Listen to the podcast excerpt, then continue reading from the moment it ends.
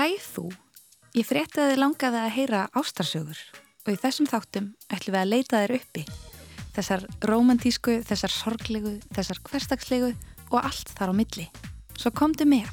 Ég byrð þig hittumst á laun, leikum í friði og ró, tvær ástfangnar flugvélar og reynum að finna einskonar ást.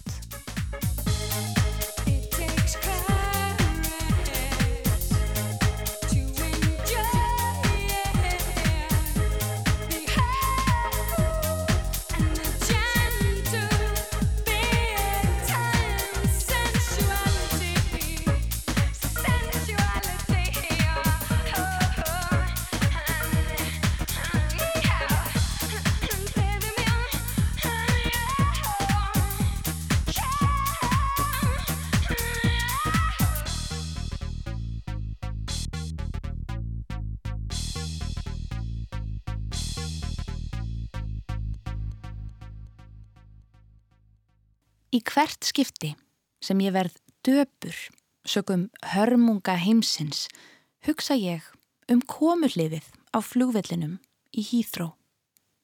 Ok, nei, það er ekki ég sem hugsaða, heldur Hugh Grant í Love Actually. En þó persóna hans í kvikmyndinni hafi ekki endilega elst vel, hefur hún auðvitað rétt fyrir sér. Ástinn er svo sannarlega allt um kring. Það fallegasta við ástarsögur er að á hverjum degi verða til fleiri. Sumar eru keim líkar en engin er eins og ef okkur langar getum við eflaust lært eitthvað af þeim flestum. Erum við ekki eftir allt öll ung og vittlaus inn við beinið? Það var hún nafna mín, Anna, allavega, þegar hún eignaðist sinn fyrsta kærasta. Hlustum. Það róar mig að að klingja bjöllunni. Það er eitthvað við hljóðið sem að fer eiginlega bara inn að beini.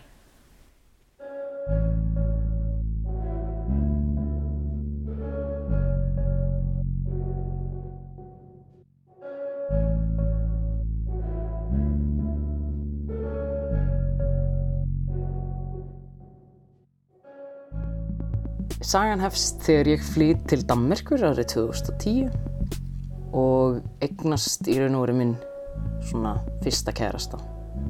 Nú geti einhver honni móðgæðir en þetta var allavega sá kærasta sem ég uppliði sem fyrsta kærasta.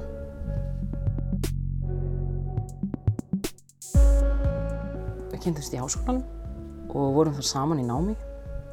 Hann var upprunnilega hugsaðið sem tungumálakensla og það er að segja að mér fannst ég ekki geta lært dönskunu og hratt og hugsaði sem svo að þá er kannski ágætt eignast danskan kærasta sem og ég gerði.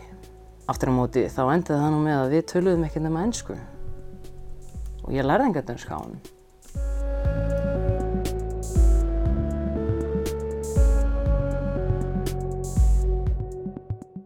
Hann sem sagt var mjög ljúfur maður og veitti mér rosalega mikið öryggi með augunum sínum. Hann var með rosalega vingjarlega augu og svona kannski var það fyrst skipt sem ég upplýði einhver horðin í sálinn af mér. Við áttum það helst sameinlegt að vera miklu lúðar held ég. Við svona, svona blandaði vera nördar og lúðar gerir það fyrir.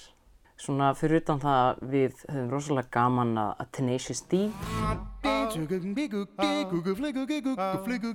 og hinnum allskynnt tölvuleikjum og eitthvað svona virkilega að ræða tónlist á kannski hátt sem ég hef ekki gert aður.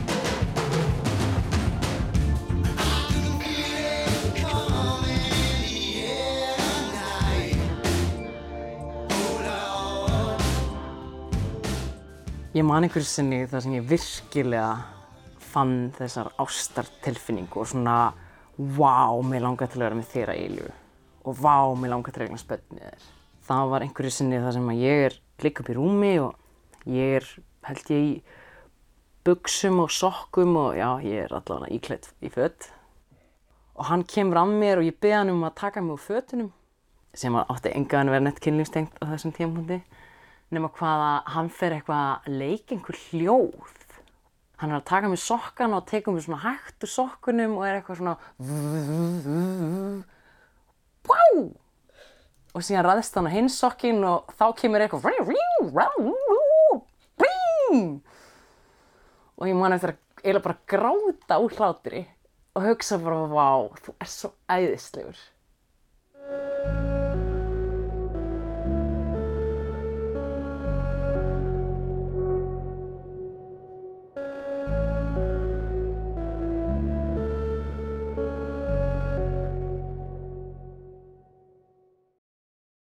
Það sem gerist er það að ég fyrir að upplifa í rauninu ofumikla hamingju.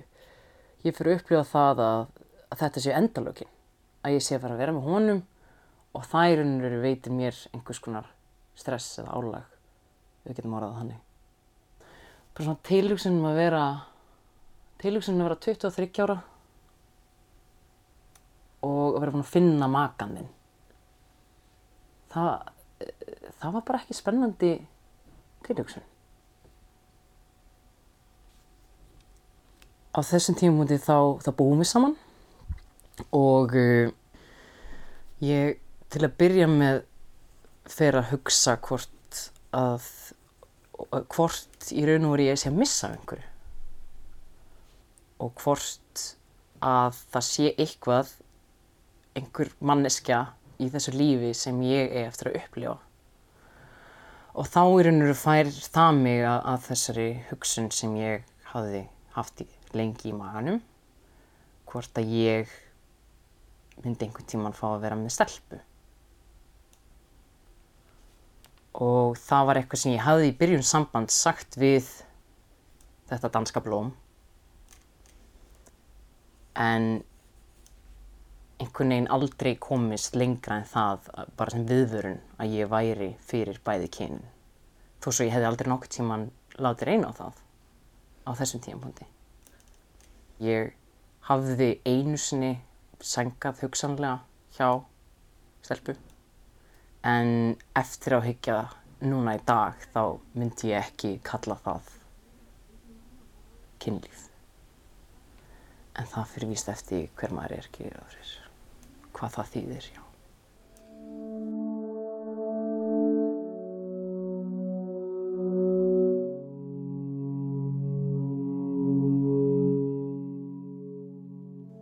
Við hlupum tíu skref fram úr okkur, ef ekki hundrað. Þetta var alltof mikið, alltof hratt.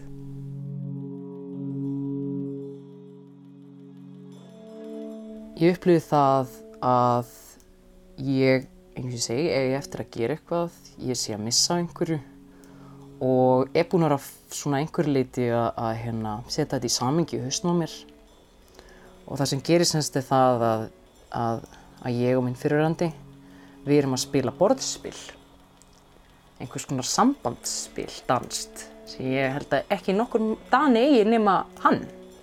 Það voru mjög stóra spurningar í því spili, væga sagt. Og ég var búinn að hafa þetta allt svona í maganum og í hausnum.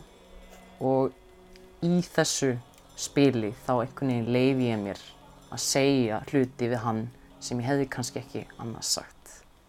Og það er sem sagt þar sem ég fer að tala um það að mig langi til að pröfa að vera með konu. Og ég finni fyrir því og ég segi þetta undir þeim formerkjum og ég sé svo ánað með honum en einhvern veginn þá var það kannski ekki allur sannleikurinn. Ég, ég ger, það er erfitt að vita hvað er ekki og hvað er hænan í þessu.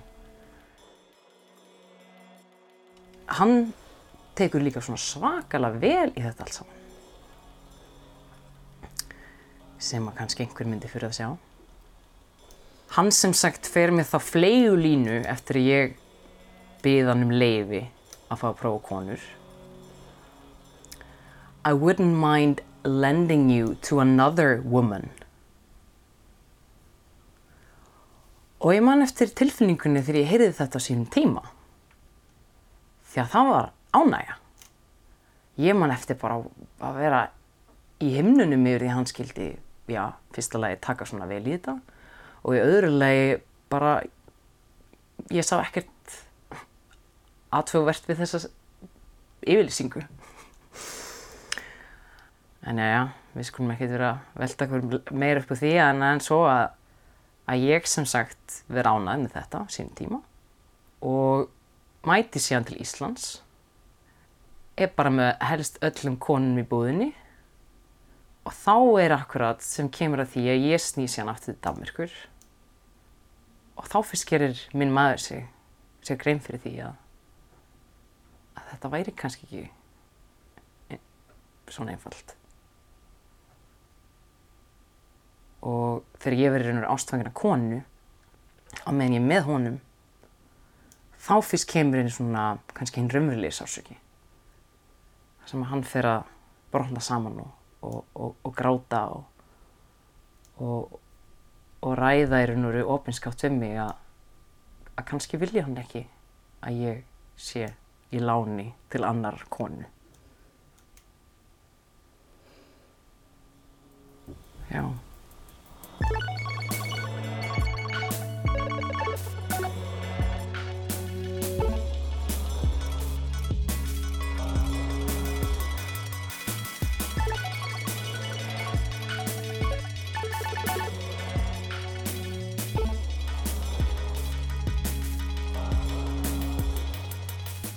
Til að byrja með þegar ég er að byggja hann um þetta leifi, þá er ég rosalega ástfangin og hamingisum með honum.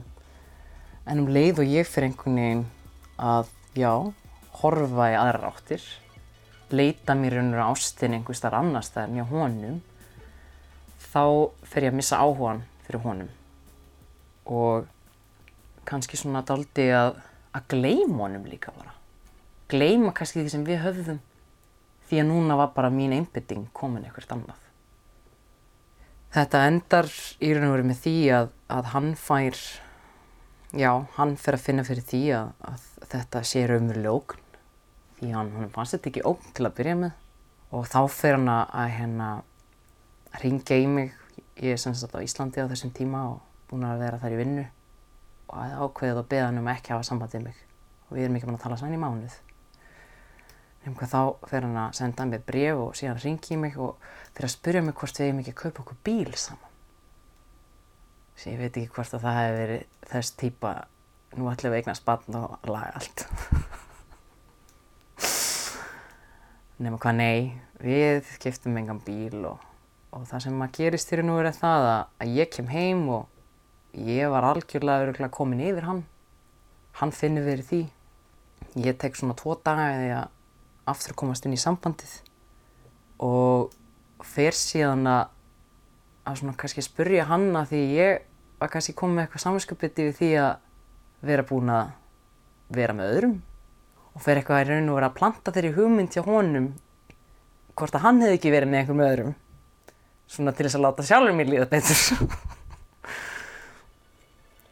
Og það sem gerist semst það að hann endar með einhverjum öðrum. og þannig er raun og endur okkar samband.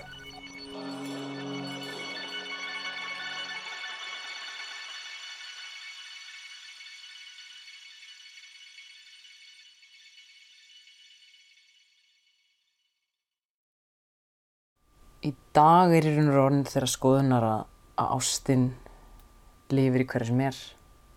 Þannig að maður geti í raun og veru ræktað hvað sem er ef það er ástíði og þá kannski spurningin með það hvort að ég hefði getað fundið mér í þessu sambandi. En ég held að einhverju leiti þá það höfum við bæri verið svo barnaleg. Og kannski svona misbarnaleg. Á þann hátt að við gáðum ekki unni saman. Og það er kannski já. Ég veit samt ekki hvort að ég hefði endilega þurft að að vera með konum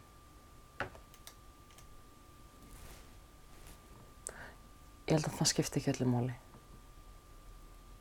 Megin ástæðan er augljóslega forvitni, en það hefði ekki þurft að vera konur fyrir eitthvað en kallmenn, eins og ég sé það í dag. Ekki það í dag ég sé með konum og allt það, en, en enga síður það held ég að skipti mér að máli að, að samskipti er það mikilvægasta sem maður hefur í sambandi. og því yngri sem við erum því minna erum við stakk búin til að eiga góð samskipti leiði ég mér að vona að með aldrei verður betri. Ég held að vona að ég muni alltaf vera í góðum samskipti við fyrirverandi það skiptir mér móli þetta er fólk sem að maður hefur átt margar stundir og, og já, dilt ímsum reyndamálum og kannski bara ágætt sjömynd að hafa þetta fólk svona frekar nálægt sér. Why is it so hard to accept the party is over? Þú varst að hlusta á hlaðvarpsútgáfuna af útvarpsþættinum Ástarsögur á rás 1. Í hverjum þætti eru tvær sögur og þú getur hlustað á þá í heilsinni í spilarunum á rúf.is. En Þú getur líka hlustað á næstu sögu innmitt hér í hlaðvarps appinu þínu. Ástarkvæðjur!